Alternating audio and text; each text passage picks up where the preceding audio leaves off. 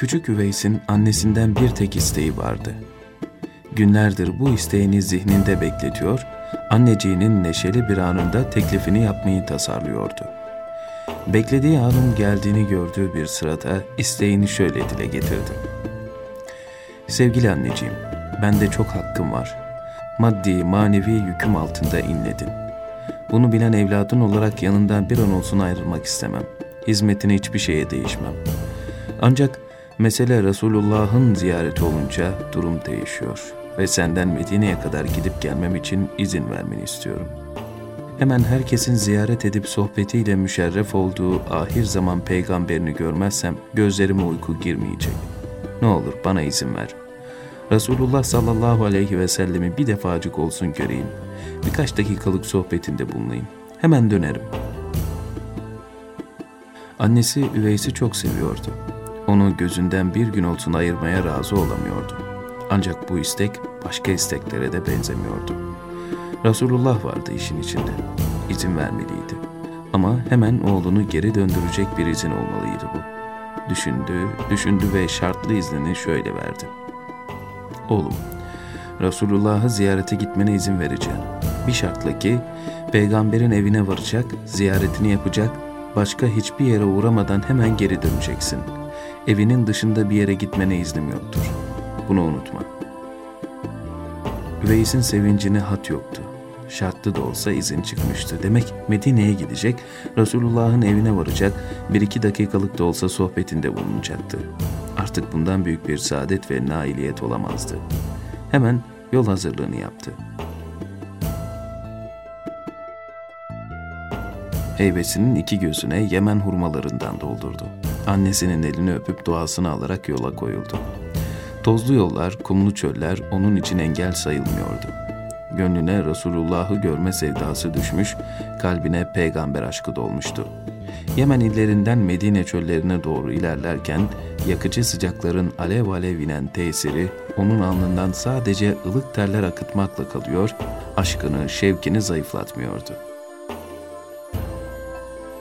Yolda kah bir kervana rastlıyor, daha sonra istikametlerini değiştiren kervanları bırakıyor, kasideler söyleyip ilahiler terennüm ederek Medine yolunda kendi istikametine şaşmadan devam ediyordu.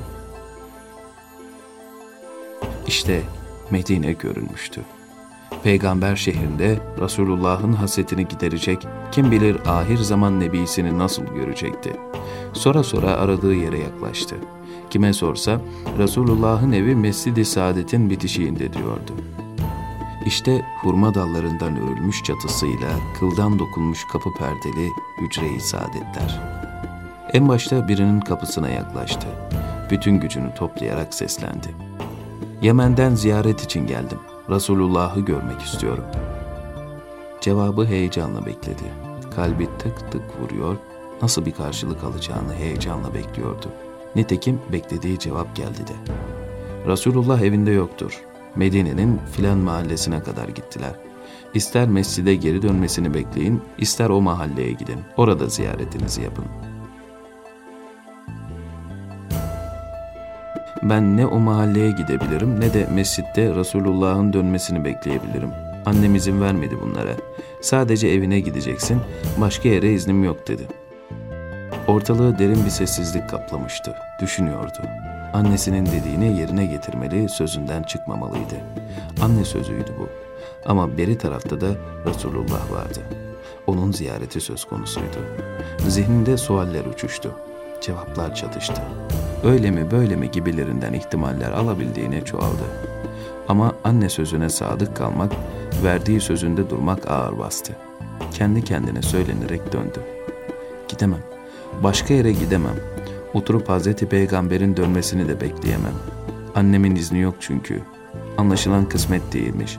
Zaten benim gibi bir biçare kim oluyor ki her gün Cebrail ile görüşen bir zatın huzuruna girecek, sohbetinde bulunacak. Ben de amma cüretkar bir gençmişim ha diyordu. Üveys teessürlerini gönlüne gömdü, işin içindeki hikmeti düşünerek geldiği yoldan geri dönmeye karar verdi.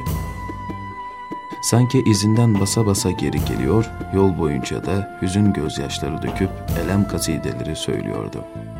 İşte Yemen hududu içine girmiş, Karan köyüne de gelmişti. Hiç olmazsa biricik annesinin sözünü tutmuş, onun emrinden dışarı çıkmamıştı. O yeterdi kendisine. Nitekim sevgili nitekim sevgili annesi durumu anlayınca itaatli üveysine şöyle dua etti.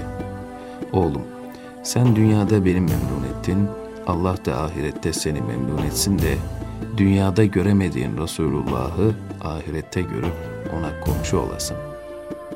Beri tarafta hane-i saadetine geri dönen Resulullah Hazretleri Ayşe validemize sordular. Kim geldi buraya ya Ayşe? Ayşe validemiz cevap verdi. Yemen'den bir genç ziyaretinize gelmişti. Siz evde bulamayınca annesinin izni olmadığı için yanınıza kadar varamadı. Oturup da bekleyemedi. Geri dönüp memleketine gitti. Efendimizin cevabı şöyle oldu. Kapıdaki nurdan Üveys'in geldiğini anladım. O annesine itaat edip etmeyeceği hususunda imtihan oldu. İmtihanı da kazandı. Dünyada beni görmesi nasip değilmiş. Ama ahirette komşum olacaktır.''